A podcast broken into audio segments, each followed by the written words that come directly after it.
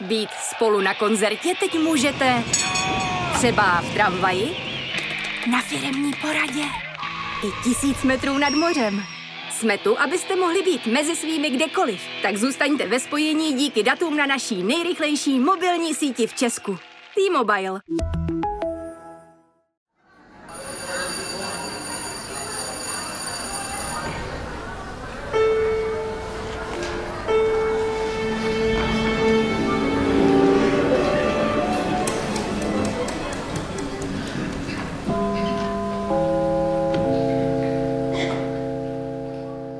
Ahoj, já jsem Jonáš. A já jsem Jana. A vy posloucháte Kulturák, kulturní podcast webu Seznam zprávy. Dnes o tom, jestli už známe song léta 2022, takzvaně banger. A taky o nové knize nobelisty Kazua Ishigura. Tak, což ale... je asi taky banger, předpokládám. Je to totálně letní hit, samozřejmě, robotický hodně. K tomu všemu se dostaneme nejdřív aktuality.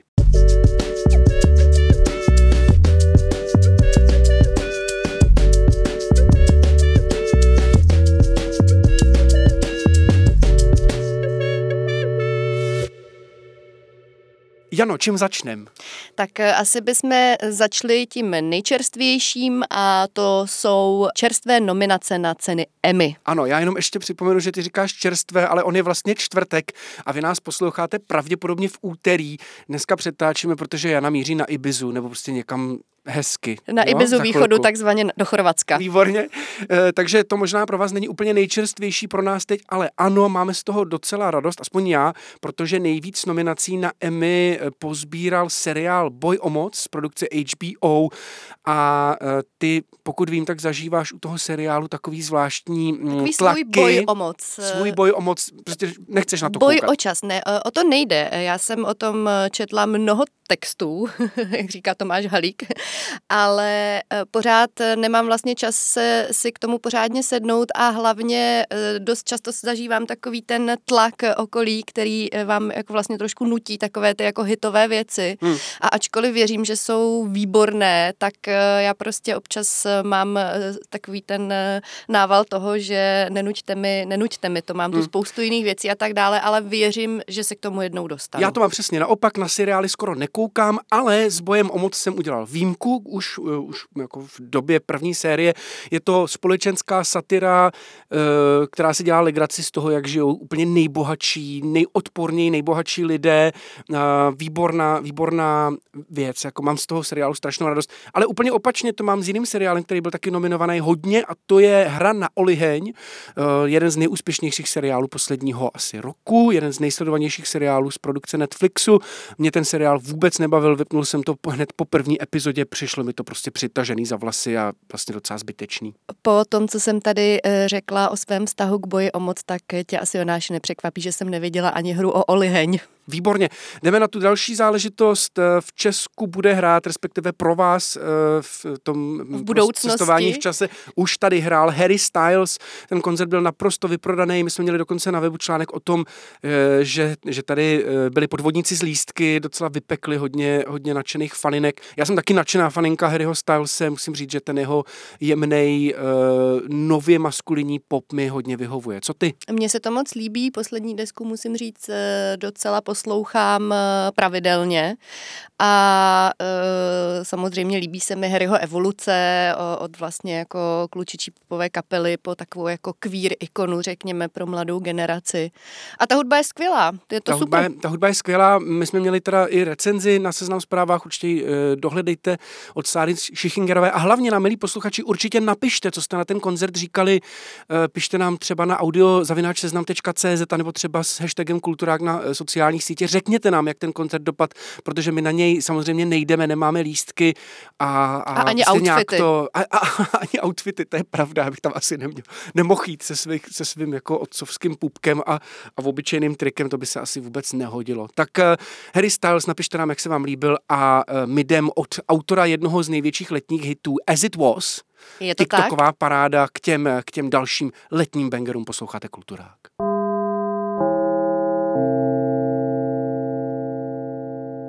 Jano, co si představuješ pod pojmem letní banger? Musí to znít vždycky stejně? Musí to splňovat nějaký jasný podmínky?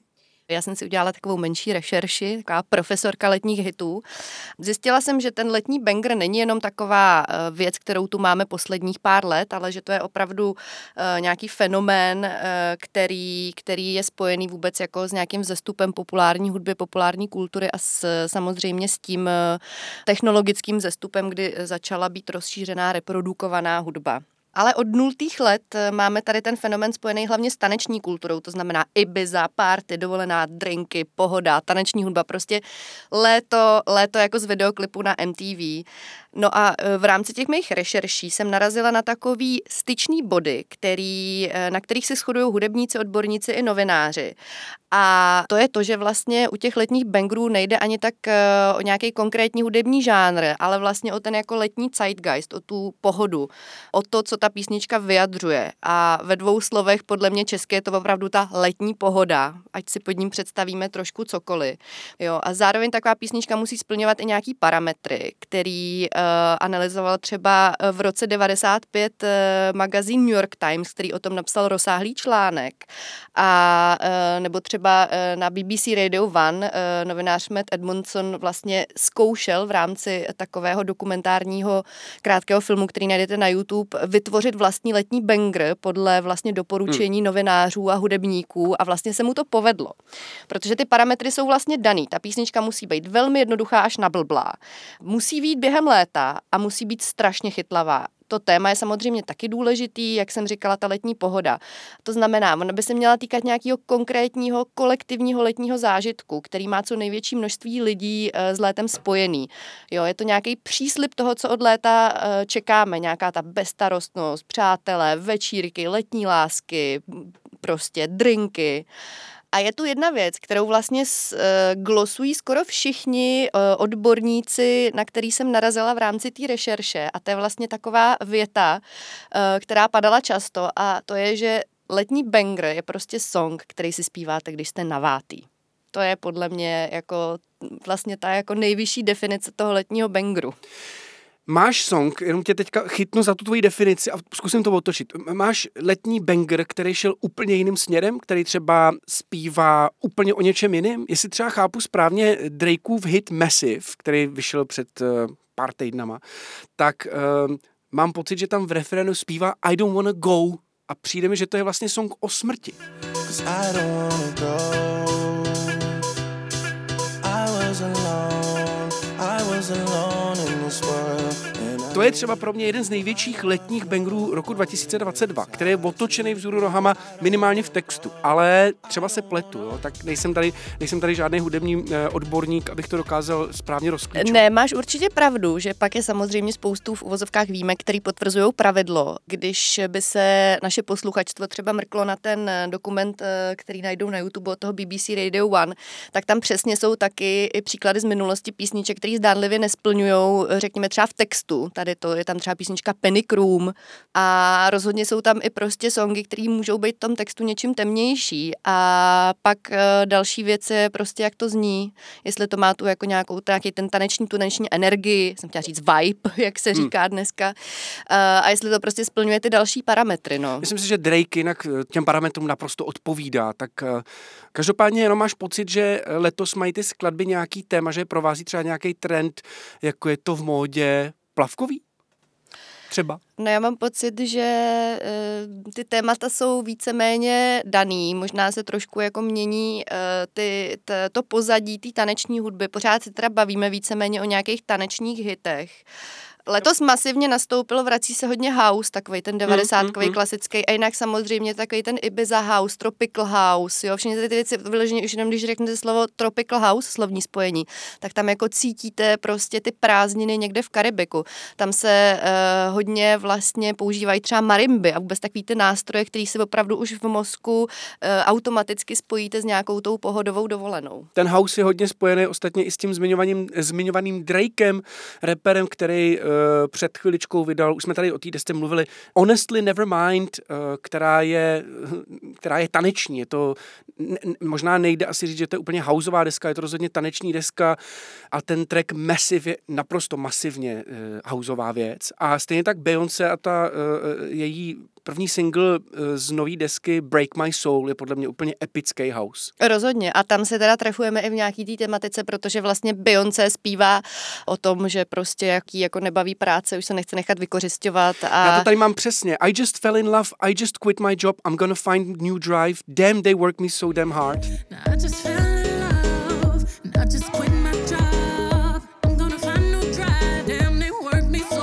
damn hard. Takže Přesně Zamilovala tak. jsem se, skončila jsem s prací a najdu si tu novou energii. To je hodně, hodně posilující song. Já bych se vlastně možná dostal už rovnou k tomu eh, seznamu těch eh, letních eh, hitovek roku 2022. Za mě ty vítězové jsou dva, možná tři, ale jako Beyoncé, Break My Soul je pro mě prostě hitovka léta a fakt ten song miluju teda a to mám za sebou třeba tři poslechy. Podepisuju. Drake Massive, o tom už jsem asi všechno řekl. Pro mě problém Drakea je vlastně možná jenom v tom, že uh, u Beyoncé to bereš se vším, takzvaně, že ta sympatie uh, Beyoncé je strašně důležitá, když to Drake je prostě takový ufňukaný princátko, který mu prostě jako se kterým se jako nechceš dál kamarádit moc. Pro mě další takový hit léta Charlie XCX a její Constant Repeat britská taneční zpěvačka a pro mě srdcový song, který teda vyšel na desce Crash už někdy v březnu, ale eh, na mě strašně dechá takovou tu atmosférou. Ty jsi tady mluvila o těch kolektivních zážitcích nebo o těch jako tématech léta. Pro mě samozřejmě jedno z velkých letních témat je láska a takový ty jako uh, romance na dovolený, uh, kdy se zameleš do někoho, koho už nikdy v životě neuvidíš a jenom si stýskáš potom, jaký by to bývalo mohlo být, kdybyste spolu mohli být delší dobu. Tak to je pro mě uh, song Constant Repeat.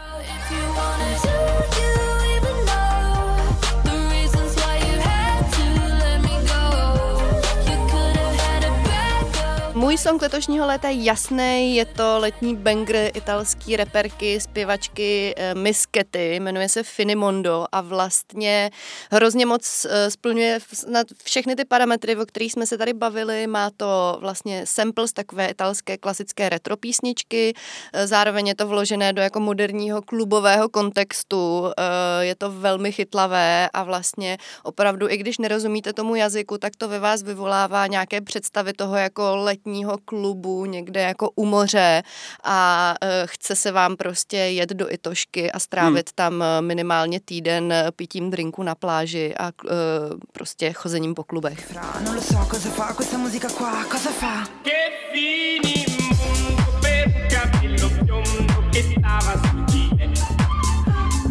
Myslím si, že dost podobně funguje i ještě jeden žánr, který jsme tady nezmínili a má velký vliv na uh, letní hitovitost, letní hitovky už, uh, řekl bych, několik let a to je reggaeton a obecně latino uh, vliv Eh, který je asi strašně cítit u Bad Bunny, že jo, eh, portorikánského repera a zpěváka, který zrovna vydal novou desku, takže letní hit tam je úplně jasný. Eh, nesmíme a... zapomenout na jeden z největších letních hitů posledních několika let, a to je třeba Despacito, že jo. Výborně. A ještě Luise bych... Fonciho a Daddy Yankeeho, to byl prostě hit, který ne a neodejít. Ještě bych zmínil určitě Rosaliu, která sice taky vydala desku letos, jmenuje se Motomami a vyšla taky letos na jaře, ale podle mě prostě songy jako Saoko candy nebo chicken teriyaki jsou pořád strašný bangry a v ten, ten, ten, ten regatonový beat v tom hraje jako hrozně důležitou roli. Patinaki, chicken teriyaki, patinaki, chicken teriyaki, patinaki, chicken teriyaki, tu gata quiere maki, mi gata Kawasaki, quiero una cadena que me arruina toda la cuenta. Ale Jonáši, já bych ještě eh, na závěr chtěla říct jednu věc. Nezmínili jsme tady podle mě to úplně největší jméno, který stojí za určitě dobrými deseti lety, eh, skoro každé léto tam vždycky šoupne jeden velký letní banger. Je to prostě... A není to Beyoncé, jo? A není to Beyoncé, je to muž.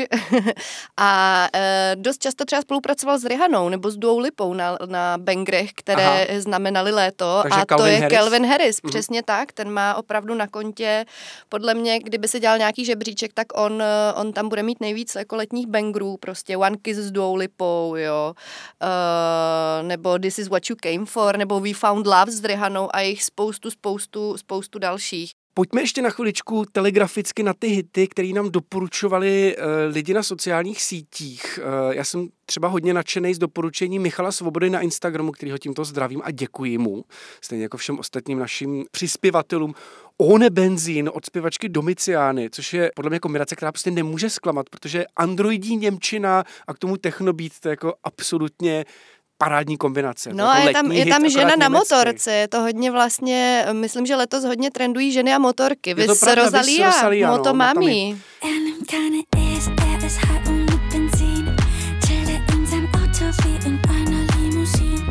Pak je tady taková ta stará, stará nestárnoucí klasika Ace of Base, Cool Summer, eh, jasná hitovka, kterou nám poslala Kristýna Kakautská. Kakautská. No. Tam bych zařadila tady do této kategorie i hitovku, co nám poslal Jindřich Šídlo, zdravíme, a to je Makarena samozřejmě. Ano, náš kolega, redaktor, tady v Seznam zprávách, jistě všichni znáte, není třeba připomínat, ale jeho, jeho eklektický výběr hitů je samozřejmě Je to tak, tam bych doplnila ještě, že v mé hlavě z dětství takhle uvízly třeba ještě Las Ketchup a jejich Aserehe. Já myslím, že to je důstojná, důstojná písnička, která navazuje na tradici Makareny a těchto jako letních bezvýznamovitých songů. Ono totiž mimochodem třeba nějaká ta bezvýznamovost v uvozovkách v rámci toho zpěvu, toho vokálu, kde vlastně ta hlavní zpěvačka zpívá něco jako ula la la la la na na na, tak je hrozně důležitá pro ty letní hity, protože to je přesně to, co vy si zapamatujete a co vy jste schopni schopný zaspívat i po těch jako čtyřech koktejlících. Já jsem určitě dřív si myslel, že letní hity mě otravujou a že to vlastně jako poslouchat nechci, že to je, že to je ta, ta rádiová výplň, ale vlastně právě proto možná u mě vyhrává ta Beyoncé, protože, uh, protože Break My Soul je pro mě song, který tím textem je úplně stejně povzbuzující, jako je povzbuzující těma beatama. Jo? Takže ten text tady pro mě hraje úplně stejně důležitou roli a vlastně mám najednou pocit, že se mi ty letní bangry jakoby otáčejí na hlavu a že mám pocit, že, jsou, že, že, že můžou být strašně významný, jako že můžou být významotvorný, nebo že, že v nich může být něco víc, jestli mi rozumíš? Rozumím. Myslím si, že může, ale zároveň bych opravdu nepodceňovala ani ty, které vlastně mají za cíl jenom vlastně vytvořit nějakou novou kolektivní, nový kolektivní zážitek, který opravdu se týká jenom bezprostředně nějakého večírku a toho, že vy se najednou opravdu můžete cítit úplně uvolněně, dobře zatancovat si a být s přáteli a to je všechno.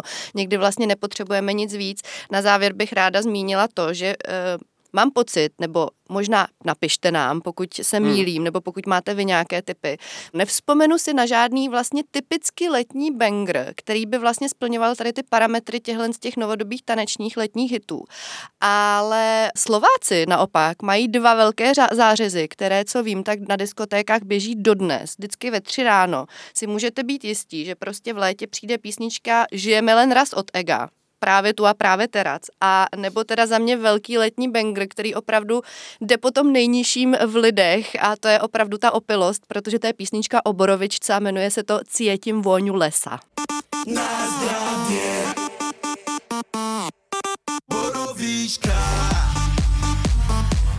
Nádherné. Jano, moc díky, že jsi mi tak krásně vysvětlila letní bangry, moc díky ještě jednou našim posluchačům a prostě všem, co nám posílali nějaký vlastní uh, superhitový typy a asi bych uklidnil všechny posluchače, že pokud jste nestihli tady tu smrště názvů jmén a já nevím čeho všeho, tak se nebojte, protože všechny ty songy, které jsme tady vyjmenovali, tak dáváme do článku a do popisu epizody. Takže si můžete sestavit vlastní playlist od Borovičky po Bionce.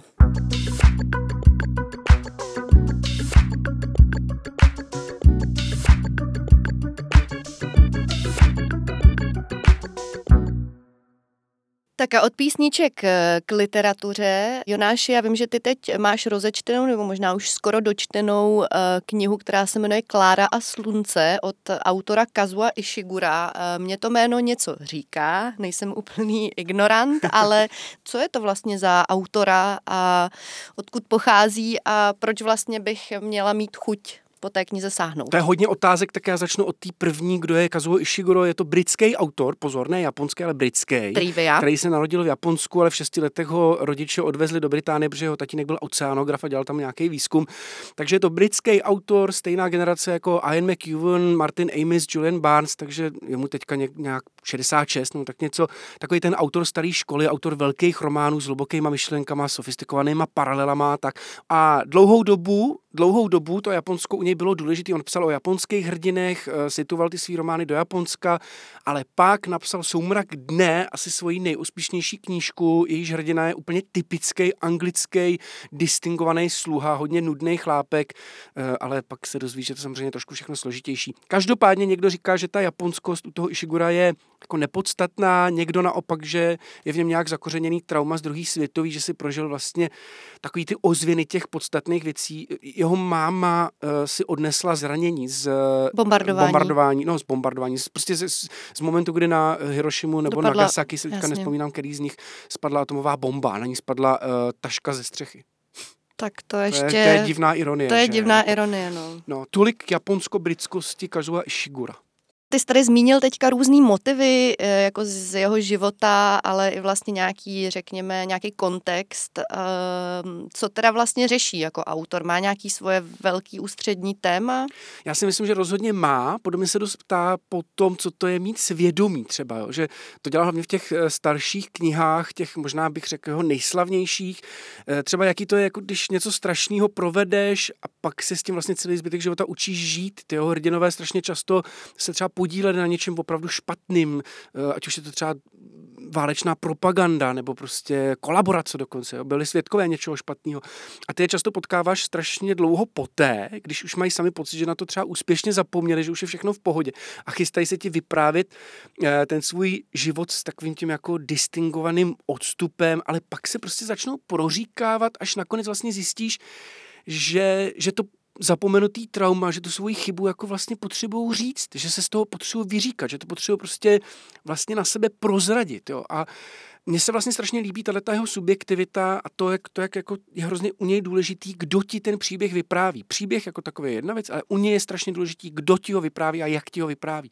Takže třeba i když píše sci-fi, Shiguro vlastně dlouhou Eh, dlouhou sérii knih jako různě mění žánry a tak, že píše sci-fi, zkoušel se jako, jako, jako Tolkienovskou historii v knize Pohřbený obr, která vyšla před tohle Kláru a slunce, tak vždycky nakonec to podstatné je ta subjektivita těch postav, ty jejich niterný city, jejich vzpomínky, jejich nespolehlivá paměť a to, co si třeba sami namlouvají. Mm-hmm. To je zajímavý. E, mně to připadá jako taková jako moralita až e, trošku. Jo, ale... Dá se to číst to ta, hlavně teda? No, to je dobrá otázka. To je takový jako těžký, fakt to zní jako moralita. Z, měla jsem takový dostojevský vibes úplně z toho. Jo, on, on sám říkal v rozhovoru pro Guardian, mm, když vycházela Klára a slunce, tak říkal, že Dostojevský jako ho strašně ovlivnil, že to je jako důležitá četba, ale... Jsi to popsal tak skvěle, že to byla první věc, co mi napadla, Jonáš. No, ale, ale pozor, já si myslím, že Ishiguro je je hrozně čtivý, když, eh, když s ním zvládneš ujít těch prvních třeba, nevím, 20-30 stran, kdy právě posloucháš ty rádoby nudný vypravěče a pak zjistíš právě, že ti lžou, že ti něco neříkají, že ti, že ti jako se snaží nějaký věci prostě snaží se odvést pozornost. Jo? A dělá to vlastně i v této nové knize, která se jmenuje Klára a slunce a není o člověku, je o robotu. Jo, Klára je robot, Klára je, Klára je android, který žije v nějaký blíže neurčený budoucnosti, teda žije, že? existuje, nějak funguje, prostě je zapnutý, eh, kde se roboti používají jako asistenti a kamarádi malým a dospívajícím dětem. A Klára takhle pomáhá dívce, která se jmenuje Josie a která je vážně nemocná. A eh, víc ten svět asi nebudu přibližovat, protože prostě mm, nechci moc spojovat. Nicméně, co je důležité, je, že Klára ti to teda zase celý vypráví a ty máš zase tu omezenou perspektivu toho androida, který se ti občas snaží věci teda zamlčet a, a, a, a oni tam zpětně proniknou z, jako z těch komentářů těch dětí. Takže zase prostě na to koukáš trošku s těma přimouřejýma očima a říkáš si, hele, ta Klára jako, co mi všechno jako, co mi všechno jako zamlčuje, jo. Takže pro mě je to zase zábavná kniha, je to trochu dystopie, trochu sci-fi, zároveň trochu pohádka, protože tam vystupují, vystupují ty malí děti. Mě tam zaujalo přesně to, že si vybral jako hrdinku teda eh, vlastně androida. Eh, pracuje teda s nějakým tím morálním motivem a přisuzuje lidskou perspektivu tomu, tomu stroji? No jasně, tam je ten zvláštní paradox, jako že si říkáš tak jo, tak může být Klára živá? Maj, mají roboti právo na to, nebo má umělá inteligence práva na to, jako mít mít nějaký práva, mít jako nějaký... Klasická, jo, přesně, to a, klasické dilema prostě. Je to tak. A zároveň samozřejmě Ishiguro uh, používá toho robota jenom, aby se znova podíval na lidi, aby prostě aby se koukal na to, jako, co je lidský, co už není lidský, co to znamená být člověk a uh, to jsou vlastně strašně těžké otázky, ale Shiguro je prostě dobrý spisovatel, takže on si tyhle ty otázky klást může. To zní hrozně zajímavě, ale poslední věc, uh, kterou bych chtěla vědět uh, v rámci toho, že odjíždím teda na toho Chorvatska, proč si mám zabalit tady tu knihu a nevzít si sebou třeba laptop a nepodívat se na hmm. nějaký seriál typu Westworld? Westworld. Hele, rozumím. Já si myslím, že Ishiguro je totiž přesně ten typ autora, který literatuře vrací uh, aspoň pro mě důležitost, protože ty jeho knihy jsou fakt jiný než seriály. Já si myslím, že, uh, jak jsem říkal, jo, Ishiguro prostě není o příběhu, uh, který by byl jako zábavnější na, na televizní obrazovce. To je jasný, že o robotech si fakt můžeš pustit Westworld a nemusíš u toho jako náročně přemýšlet jako u knih, jo. Ale, ale tady je fakt strašně důležitý to, že Ishiguro vrací do literatury to, co, to, co prostě filmy a filmová kamera nikdy neukáže, jako nedokáže, což je prostě ta, ta subjektivita a to, že prostě když ti někdo vypráví příběh, tak uh, ty hrozně často přemýšlíš třeba nad tím, jako kdy si vymýšlí, kdy, kdy, kdy neví, kdy si nepamatuje věci, kdy prostě, jo, že, že, že to, že ti ten příběh vypráví zrovna Jana, nebo zrovna Klára, nebo zrovna já, tak strašně důležitá je ta osobnost toho člověka, který ti to vypráví, což filmová kamera přece neumí, jo? Takže jo, tady, tady vždycky vlastně bude mít tu objektivitu prostě toho, mm, No já bych jako... se možná s tebou hádala, protože si myslím, že existují možno, ve filmové Jasně, no. řeči existují postupy, které by ano, divákovi měli, měli dát uh, právě nějakou tu subjektivitu, tu perspektivu, uh, nějaké postavy třeba a tak. Na druhou stranu asi v mainstreamu, řekněme, přesně jako je ten Westworld, uh, se nejspíš nepoužívají tak často, mluvíme o nějakých jako artových prostě indie věcech. Hmm. Já bych asi závěrem řekl, že Ishiguro je fakt expert na lhaní na sebe, mě to hrozně baví, to si myslím, že je fakt výjimečný Eh, motiv, výjimečný téma, za to pro mě tu Nobelovku dostal zcela správně. Klára a slunce zatím pro mě nepatří mezi tyho nejlepší knížky, ale rozhodně jako hodně čtivá, hodně dobře se jako uh, skrze ní vstupuje do toho uh, Ishigurova díla, ale ještě možná bych víc doporučil knihu Neopouštěj mě, která má hodně podobný téma a myslím si, že je možná dokonce lepší to je ta, za kterou získal Nobelovku? Já si vlastně nejsem úplně jistý, za kterou knížku získal Nobelovku, možná to bylo spíš jako celkový dílo. Jeho, jeho fakt nejslavnější věc je Soumrak dne a myslím si, že je pořád relevantní a pořád má jako tu důležitost. Vůbec bych se nedivil, kdyby ta uh, komise Nobelovy ceny to dala za ten Soumrak dne. No tak já si ho teda přibalím do toho kufru. Výborně, jsem tě přesvědčil, to je super. Umíš to? thank you Kultura, jak se chýlí ke konci, takže jenom v rychlosti. Typy. Vladimír 518 už se vrátil z toho svého dálničního výletu pěšky podél D1. My jsme tady o tom mluvili v Kulturáku. Pokud teda nevíte, o co šlo, tak si to uh, klidně poslechněte. Ale z titulku jeho rozhovoru, který dává po tyhle zkušenosti, to vypadá, že to bylo hodně traumatizující. A já bych se chtěl dostat k tomu, že i dálnice může být krásná. Takže dávám tip eh, úplně z jiného ranku, než jsem kdy dával, a to je uh, za malbama. Jen Orpin, britská výtvarnice, malířka, která maluje opravdu opravdu maluje prostě dálnice, dálniční mosty, takový výjevy z různých jako nočních i denních jíst automobilem. A mně přijde, že to jsou vlastně obrazy takových všednodenních věcí, kdy většinou jako vypínáš, ale tudíž, když to vidíš najednou vytržený z kontextu toho, toho té jízdy a podíváš se na ty obrazy, eh, tak je to vlastně plný asociací, že ti to nutí přemýšlet nově nad běžnýma věcma, tak to se mi moc líbí. A když jsem u těch zvláštních nemíst, tak ještě jeden tip zpátky k seznam zprávám. Eh, newsletter pod čarou je eh, můj nejoblíbenější newsletter vůbec. Dělá to náš kolega Matouš Hrdina, náš kolega a kamarád, eh, který chodí do schránek, ne ten kamarád, ten jeho newsletter chodí do schránek každou sobotu a řeší taky zvláštní společensko-kulturní témata, jako je přemek podlaha, kutilství, nebo třeba naší posedlost příběhama, storytellingem a tak dále. No a teď v tom posledním vydání newsletteru pod čarou řeší Matouš Hrdina liminální prostory. Já o nich nebudu víc říkat, eh, ať to zůstane trošku tajemný. Ano, a já vím, že je miluješ liminální prostory. Přesně tak, přesně tak.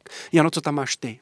Tak já mám naopak jeden antityp nakonec. Eh, nový eh, seriál TV Nova slash Vojo, eh, nebo seriál. Oni říkají, že to je skriptovaná reality show, takže něco na pomezí to je hraného... Taky jako kultura. Je to tak, na pome- je to na pomezí prostě. Jmenuje se to Praha den a noc a já bych vás všechny chtěla poprosit, ne- nedívejte se na to, sežere vám to mozek. je, to, je to vlastně, pro mě to trošku dystopie o tom, jak vlastně si nemůžeme dovolit jako mladí lidé, nebo ne my, ale ještě mladší lidé si nemůžou dovolit bydlet, protože jde o partičku lidí, kteří, kteří nejsou z Prahy, přestěhovali se do Prahy, sní o tom, že různé věci a bydlí na takovém bizarním bytě, který vlastní eh, majitel autopůjčovny, kterého hraje DJ Uva. Pamětníci 90. a 0. let si možná vzpomenou, byl to DJ, který se proslavil v Diskolendu Silvie Ivana Jonáka. A tento padesátník eh, tady tu partu těch eh, bizarních lidí ubytovává a vlastně s nima žije a má takovou zvláštní jako pozici, která mi přijde hrozně divná. Kdo by ve 20 dobrovolně chtěl bydlet tady s tím jako vyžilým padesátníkem, nevím, ale říká to hodně o krizi bydlení a ten seriál říká hodně o nějaké krizi audiovize. No nevím, mě vlastně docela nalákala. Každopádně Kulturák je u konce, moc díky všem posluchačům za ty hezký tipy na, na letní hitovky, díky za všechny reakce, e, ať už v mailu nebo na sociálních sítích. Určitě pište dál, říkejte nám, jak se vám Kulturák líbil nebo třeba nelíbil, co byste na něm chtěli zlepšit. Přidávejte všude hashtag Kulturák, pište nám na audiozavináčseznam.cz No a já teda připomenu, že Kulturák je k poslechu ve všech vašich aplikacích na podcasty.cz a na webu Seznam zpráv. Takže kdo ještě neodebírá, honem odebírá odpovídejte. To bylo strašně vyčerpávající, díky Jonáši. Díky, ahoj. Ahoj.